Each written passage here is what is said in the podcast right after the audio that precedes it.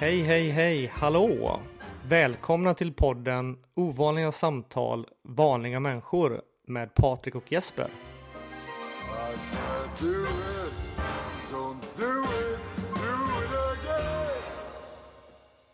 Ja, idag har vi med oss en eh, vän till mig som heter Monica Wallenius som jag har lärt känna på en utbildning vi gick för ungefär fem år sedan, sex år sedan. Och eh, ja, alltså vi har inte träffats och umgått så jättemycket men vi har hållit lite kontakt och träffats och eh, vi har helt enkelt fattat lite tycke för varandra så vi håller kontakten fortfarande och eh, nu har jag fått reda på eller, att Monica har skrivit en bok om demens. Eh, och då var jag intresserad av att samtala lite med Monica om det här. Eh, Så jag tänkte eh, att jag börjar med att hälsa dig välkommen. Tack så mycket. Och eh, om du ville presentera dig lite vem du är och om du har något intresse kanske. Och... Mm. Ja, jag heter Monica Wallenius som sagt var. Jag är snart 60 år. Ehm, och jag har själv flera stycken barn. Och barnbarn nu också. Ja, vad ska jag säga mer om mig själv? Jag tycker att det är väldigt roligt att skriva. Men eh, det har liksom eh, tidigare hamnat i byrålådan eh, och legat och skräpat. I övrigt så är väl livet mest roligt med barnbarn just nu faktiskt.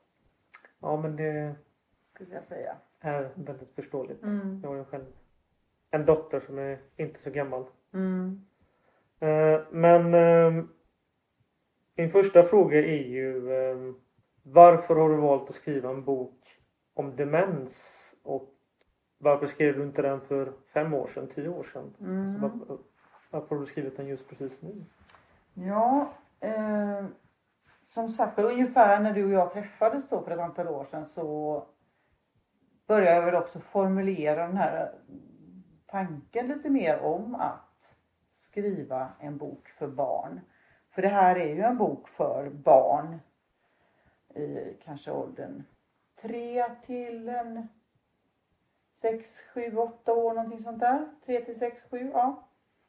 Ehm, och just den här boken då som heter Varför ligger mormors underbyxor i kylskåpet? Den kom till när min egen mamma eh, faktiskt avled och hon hade demens. Och det var hösten, vintern 2017.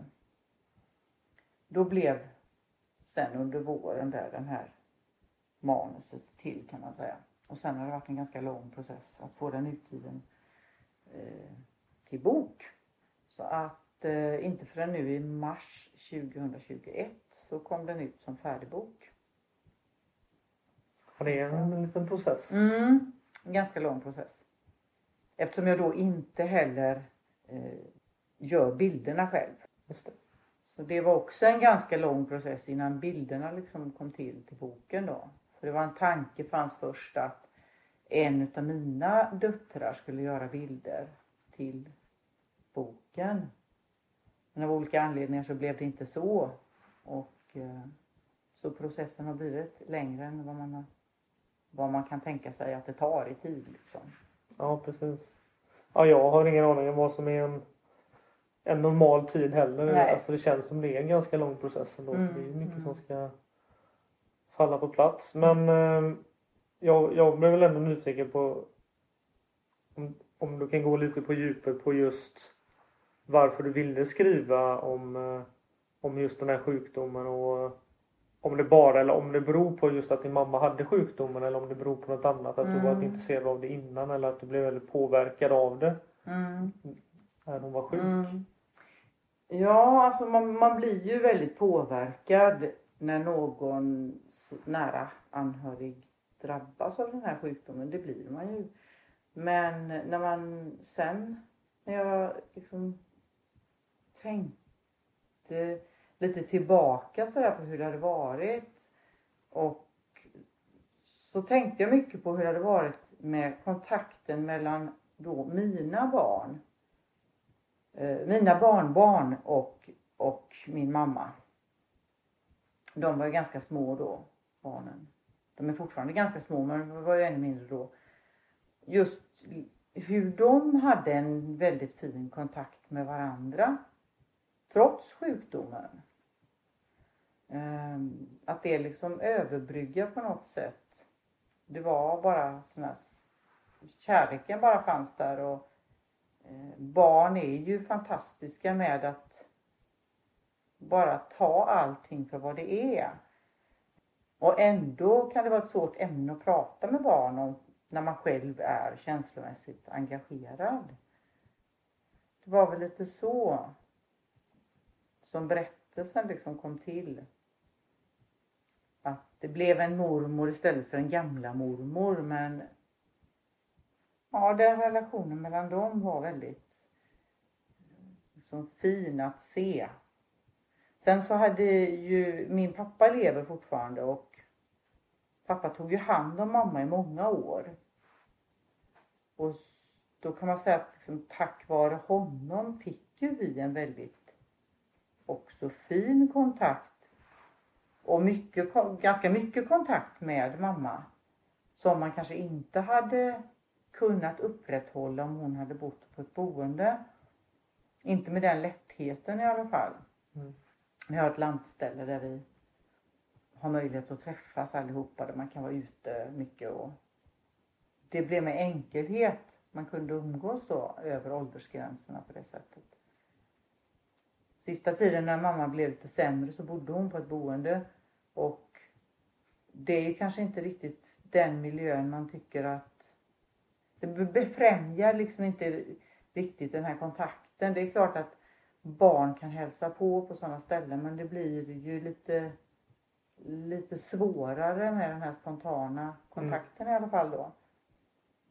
Ja men det är ju himla fint och roligt att, att ni har möjlighet att umgås liksom Mm. mer alltså utanför Mm. vården så att säga. Liksom. Ja precis, det blir lite mer vård just när man kommer in på ett boende även om det är ett boende.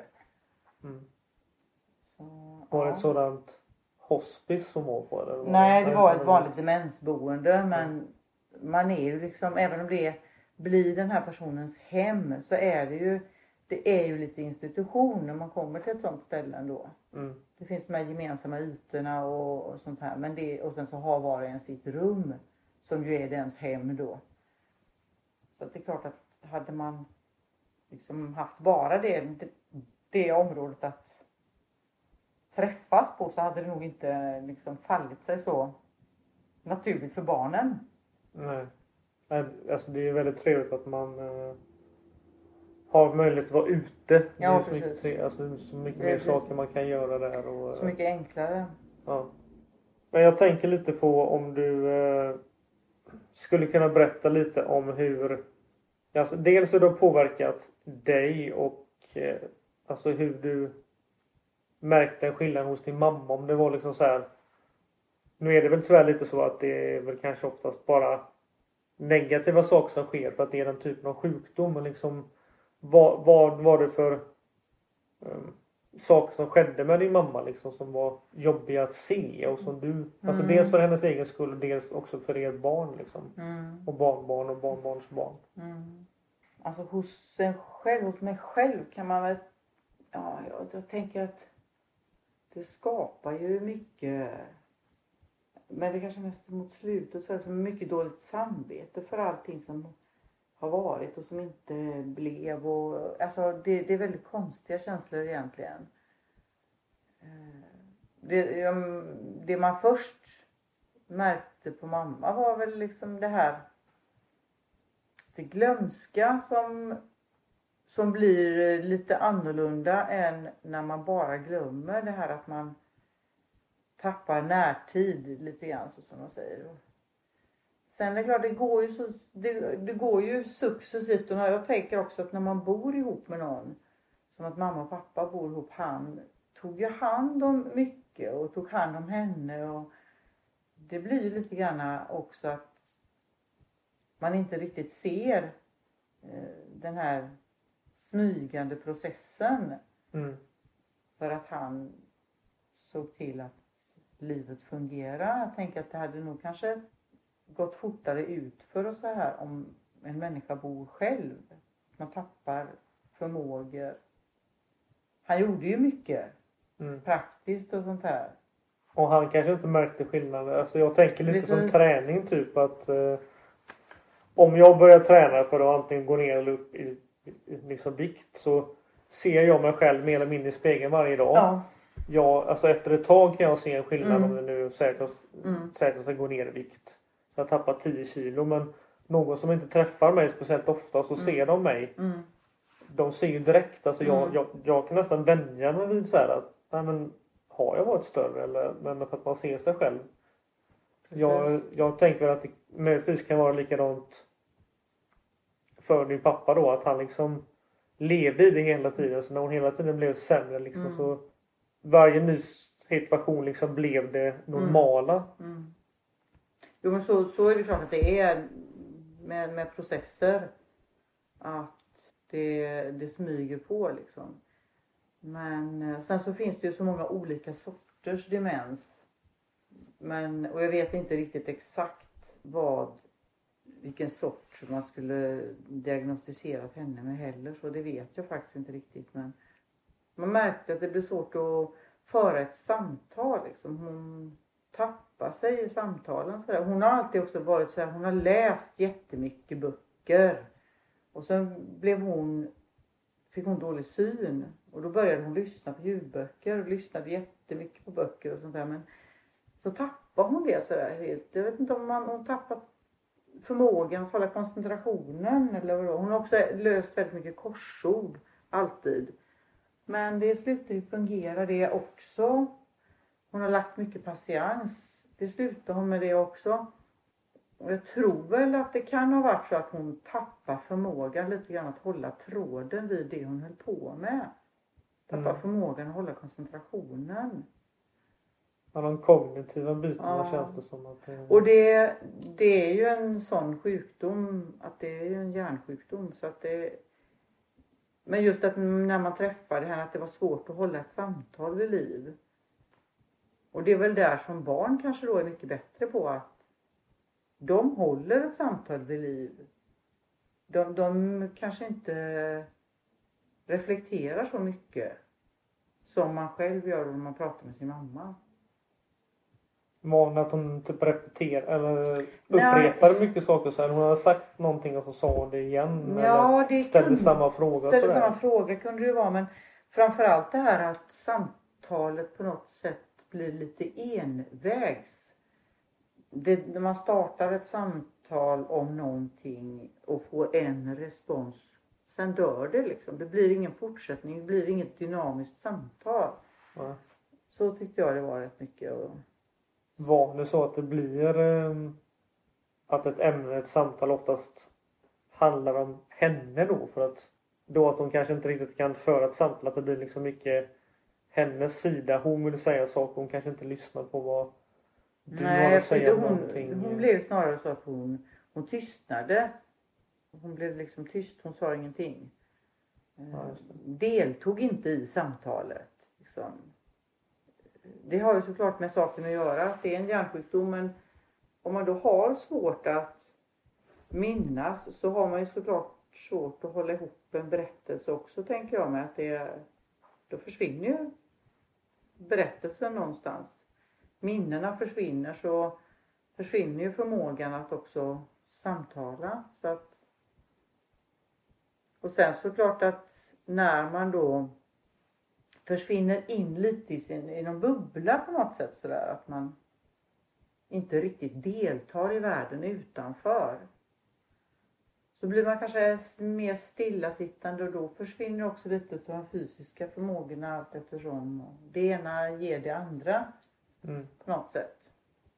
Man säger, hur medveten var hon själv? Alltså märkte du någon frustration från andra? Att hon Mm. liksom märkte av det själv? Att hon liksom tyckte det var jobbigt eller att hon Mm. möjligtvis kanske blev arg eller inte visste liksom hur hon skulle reagera? Nej, hon var ju bekymrad såklart. Och det, så tror jag kanske att det är för många i, eh, i en demenssjukdom att det finns läget, skede i sjukdomen när man är medveten om att man eh, tappar förmågor, att man är sjuk liksom. För det kunde hon ju, det var hon ju en lång period såklart medveten om det här. Och då var hon ju väldigt ledsen och det var ju såklart frustrerat och ganska så sorgligt att vara medveten om att man håller på att tappa det liksom. Mm. Hon hade inte så, en del människor kan nog bli arga men det var, det tyckte jag inte, det var inte hon sådär. Hon kunde väl ibland, kan säga, det är som att man tappar någon slags filter. Att man kan säga elaka saker som man kanske i normalt sett också hade velat säga men har ett filter att man låter bli. Man tappar kanske förmågan. Eller så var det för henne ibland att Istället för att låta bli att säga eller linda in någonting så kunde, kunde hon säga saker rätt ut. Lite som ett barn att man är väldigt Ja, ärlig. Eller? Precis, jag, jag känner man en precis. känsla så säger man den bara så här. Ja, jag tror att hon- just det här att tappa filtret lite grann det här. Och det är klart att även om man då vet om varför en person att det här det beror på sjukdom så är det klart att det är jobbigt. Mm. Men mest jobbigt var ändå på något sätt det här att hon försvann i sin bubbla och försvann. Personligheten tynar bort Mm. någonstans.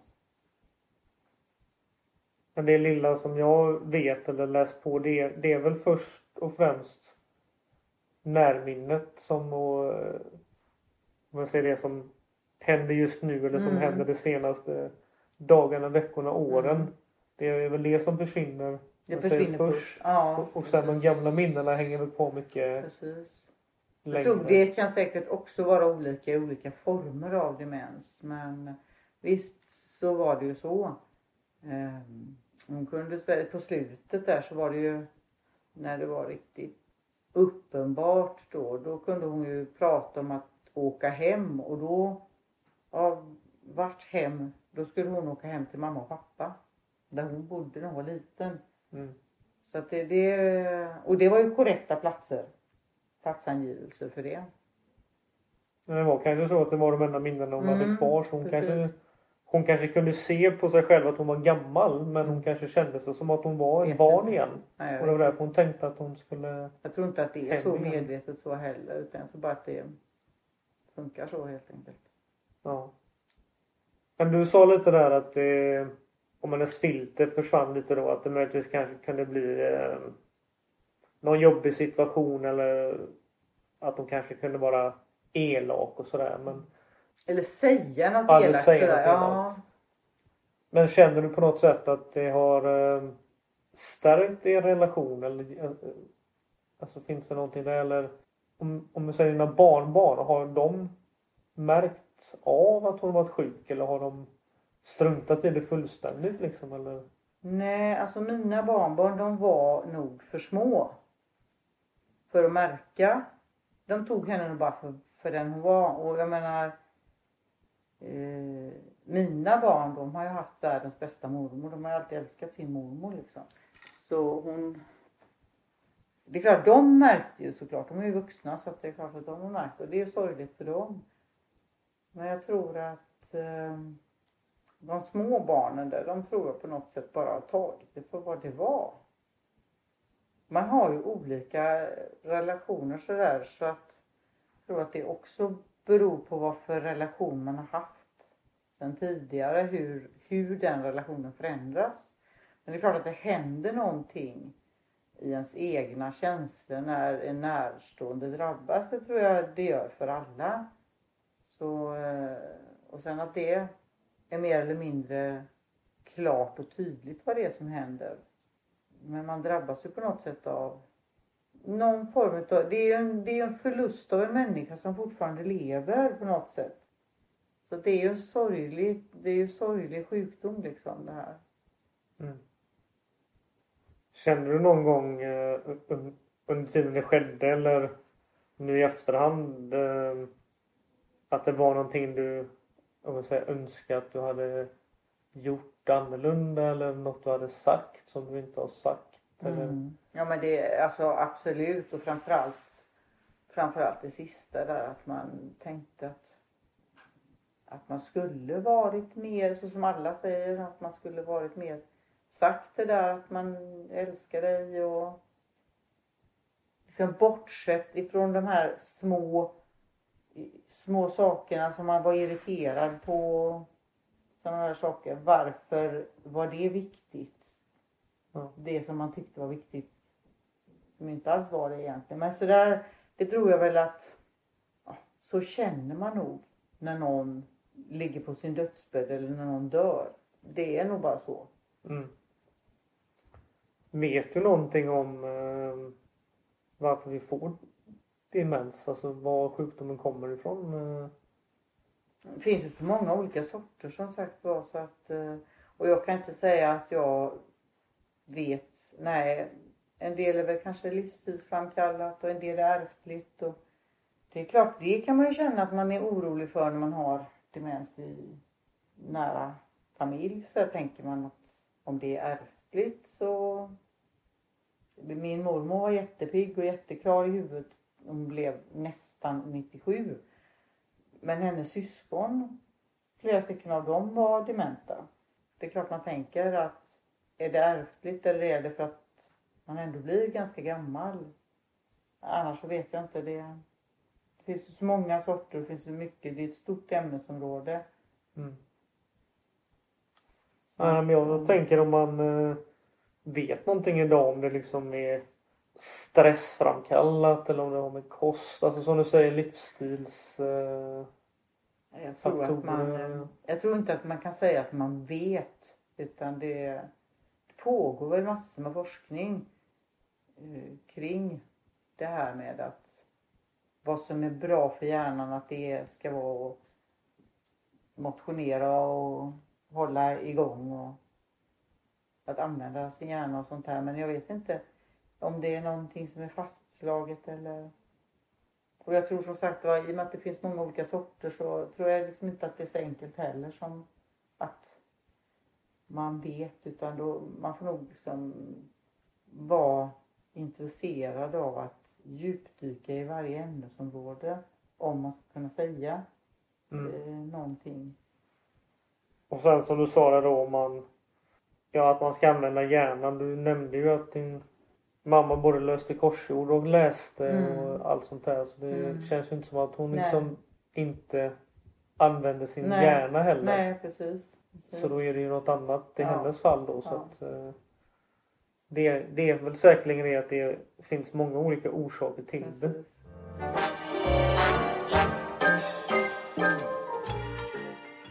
Jag hoppas du gillar det vi gör och om du vill ge oss en putt i rätt riktning så gilla gärna våra sidor och inlägg på Facebook och Instagram och dela vår podd till andra. Och vem vet? Kanske känner du att du har någonting som du skulle vilja berätta om för världen. Hör av dig.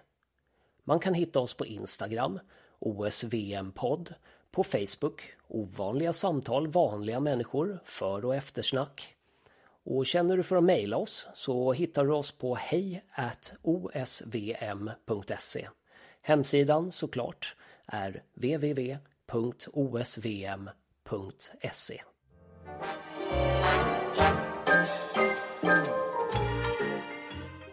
Vi- Alltså vet du någonting om hur man eh, ser på sjukdomen liksom i olika länder och kulturer och sådär? Eller menar här, ser man på det liksom som en sjukdom som vilken som eller? Vet inte men man kan ju tänka hur det var. Men äh, hur det var här förr så blev väl folk. När man levde tillsammans i större familjer så tänker jag att det var väl ganska naturligt att man blev gaggig när man blev gammal liksom. Jag tänker att det har ju alltid funnits också. Antagligen. Jag vet inte riktigt. Lever man i större familjer och inte flyttar sina äldre till boenden så blir det också en mer naturlig del i, i livet. Och det är väl det som är just med det här som boken handlar om då just det här att överbrygga generationerna. Bodde man flera personer, flera vuxna människor i samma boende och generationer över så fanns det alltid någon som kunde hjälpa till och någon som kunde ta hand om och någon som var hemma. Och, Mm. Men skulle du kunna tänkt dig att levt i något generationsboende? Där, Nej, jag vet inte sjutton alltså för att förr när man levde i sådana boenden så ärvde man ju själva boendeformen också. Då var det ju så man levde. Mm. Alltså att i dagens samhälle när vi inte har levt så på väldigt länge helt plötsligt börja leva så tror jag inte är så himla enkelt. Vi lever ju helt andra slags liv idag. Alla jobbar till exempel. Och, Mm. Alla ska göra karriär och... Ja, kanske inte nödvändigtvis men eh, man har ändå sitt liv. Man har liksom blivit uppfostrad till att bli en självständig person som har sitt liv. Det är så vi uppfostrar våra barn. Att då helt plötsligt gå tillbaka till någonting att man skulle leva under samma tak. Tror jag inte är så enkelt alltså. Nej.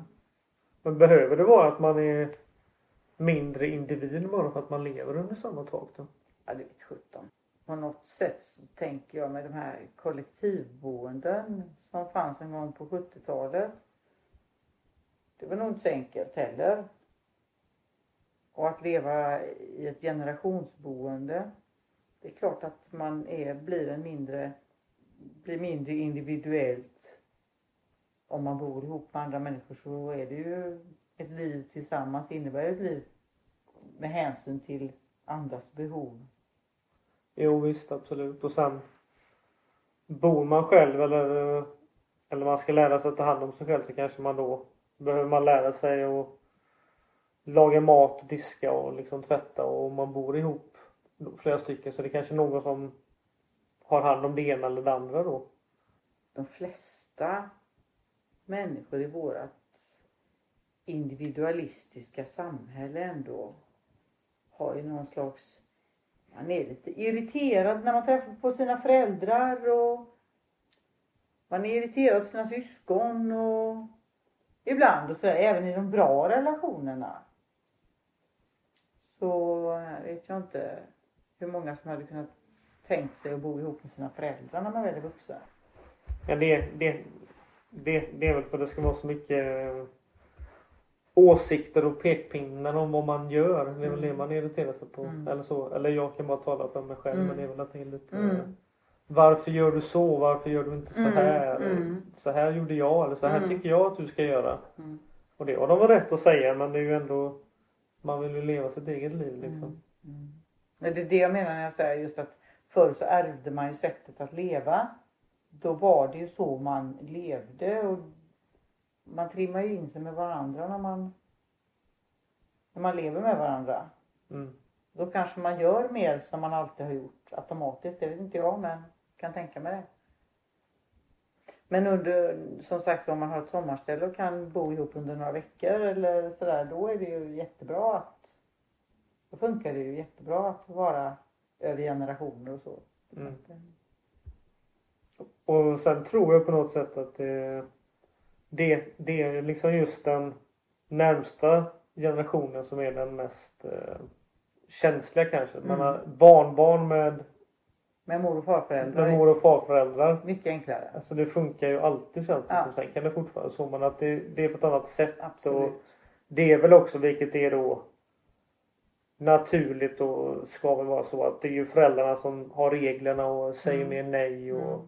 Är dumma eller hur man nu ska Mm. säga eller så. Eller Mm. det här får du inte göra och så kanske man får göra mer hos Mm. mormor och morfar och farmor och farfar och sådär. Men eh, jag är liksom så här. Ja, det är ingenting som jag har eh, läst någonting om eller studerat. Men man, alltså det här med liksom unga människor eller till och med barn eller kanske även ungdomar som umgås med äldre människor. Alltså då, de brukar liksom ja, alltså alltid typ klicka liksom och eh, Mm. så här lekfullheten hos de yngre liksom smittar av sig på de äldre och Mm. liksom det som de äldre kan lära och ha upplevt det liksom är de yngre alltså, intresserade av att lära sig och liksom lyssna på. Mm. Och där tror jag det finns mycket att eh, lära och utforska. Jag vet inte hur mycket det finns idag men så här att eh, förskole, ja nu, nu, nu, nu, nu om vi säger covid-tider så funkar det ju inte men alltså, förhoppningsvis när allt det här är över så ska vi liksom kunna återgå till något normalläge men att förskolor och liksom kanske till och med låg och mellanstadiet. De skulle komma ut och ha viss tid kanske så här. Vara på ett äldreboende och umgås med Mm. äldre människor. För de äldre människorna lyser ju alltid upp när de liksom Ja, det finns alltid någon sur gammal gubbe och tant liksom så. Men att i, alltså, i, i det stora hela så blir ju nästan alltid alltså, äldre människor väldigt glada när de ser Mm, barn och sådär. Mm. Det var det som var väldigt tydligt och som också var lite tanken med boken här och just eller bakgrunden till boken kan man säga. Det var ju just det här att då kunde jag se mamma blomma upp liksom när de här små barnen var i närheten. Hon blev jätteglad och sen kanske hon inte riktigt hade koll på att det var barnbarnsbarn utan trodde att det var barnbarn eller att hon trodde att det var hennes barn ibland eller men, men glädjen över barnen där. Men det är helt strunt samma om hon trodde Precis, att det det, var... spelar absolut ingen roll. Men eh, den var ju, det var ju slående liksom att det var jättemycket glädje där. Att ett av barnbarnen höll på och skulle försöka stå på huvudet och visa henne och han sa till henne kom och prova, kom och prova och hon ja det kan jag göra.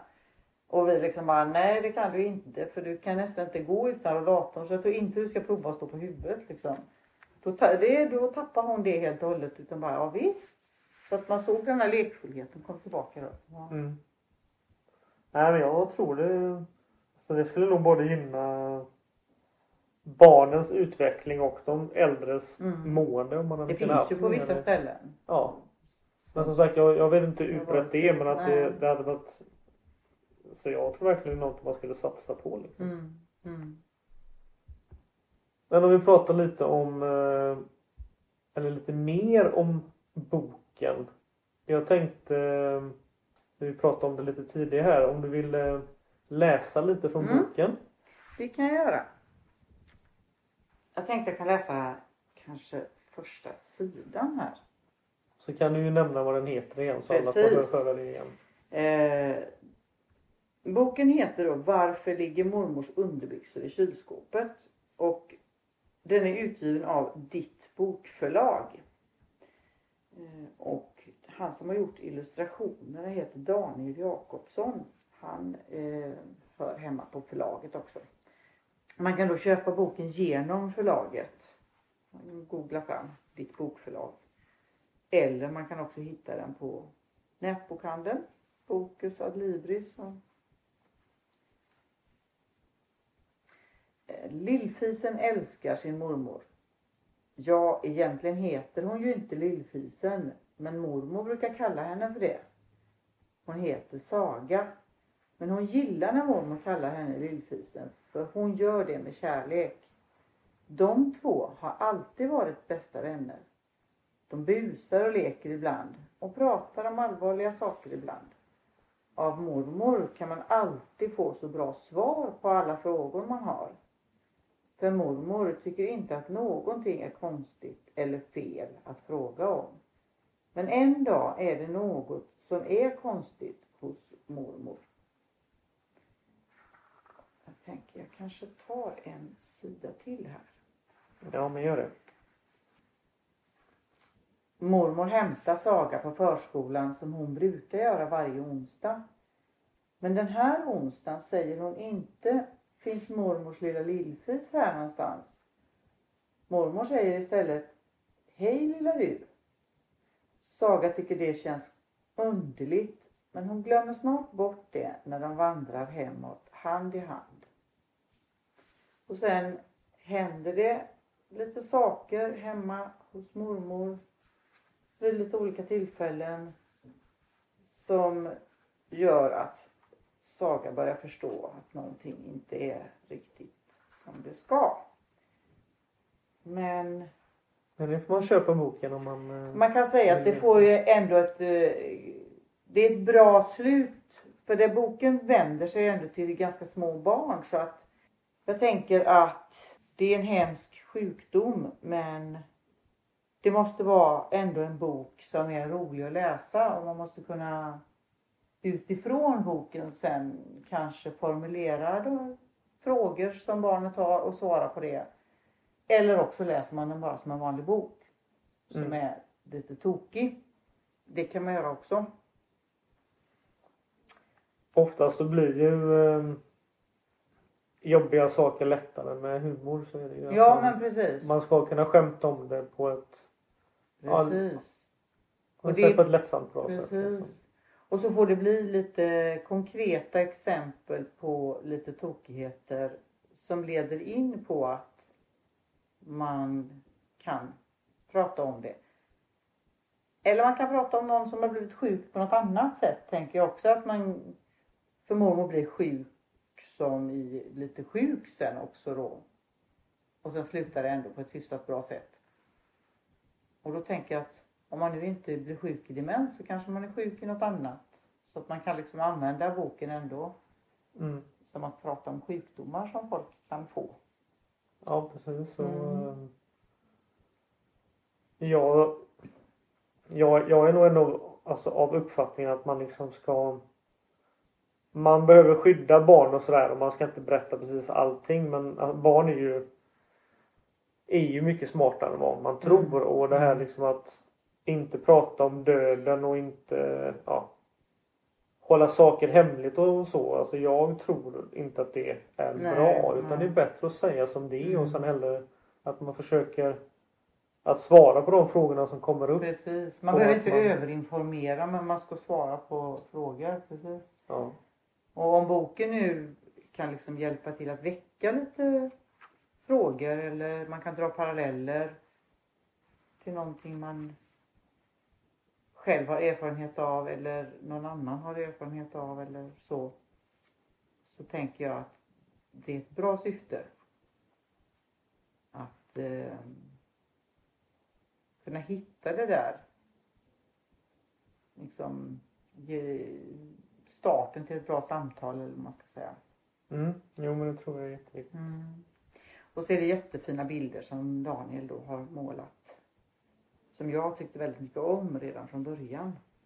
Det känns väldigt roligt att, att ha den i min hand. Och det var också en sån här grej att första gången jag höll boken i min hand fick jag ju levererat en låda böcker hit.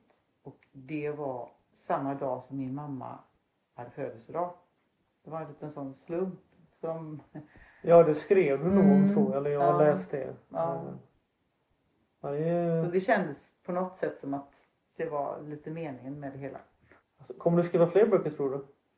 Ja, alltså det finns ju lite saker som ligger eh, för fäfot. Man vet aldrig. Det är väldigt roligt i alla fall. Det här är ju en rolig... Som sagt, det är en mångårig process att vilja göra en barnbok. Så att det är en lärorik resa att se vad som händer på vägen. Och, Mm.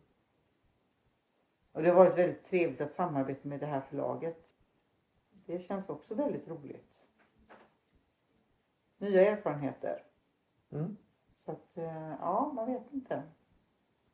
Nej, jag, nu har jag ju inte läst den här boken än men idag har jag fått ett Exemplar. signerat Mhm. exemplar så jag ska hem och läsa den på en Mm. gång. Och sen, Mm. Det ska bli spännande att se om det kommer något annat. Mm, mm. Men tack så mycket för idag. Ja, tack själv. Tack för att Så, jag fick vara eh, med. vem vet, det kanske blir en intervju längre fram om bok nummer två då. Det får vi se. Ha det bra så länge. Ja, tack. Hej, hej. I nästa avsnitt ska vi prata om köldexponering med en kille som heter Erik. Han har lång erfarenhet av det här ämnet och det ska bli väldigt intressant att höra vad han har att berätta. Vilka upplevelser han har i det här ämnet och vad han kan lära oss och vad vi möjligtvis kan lära honom. I said do it, don't do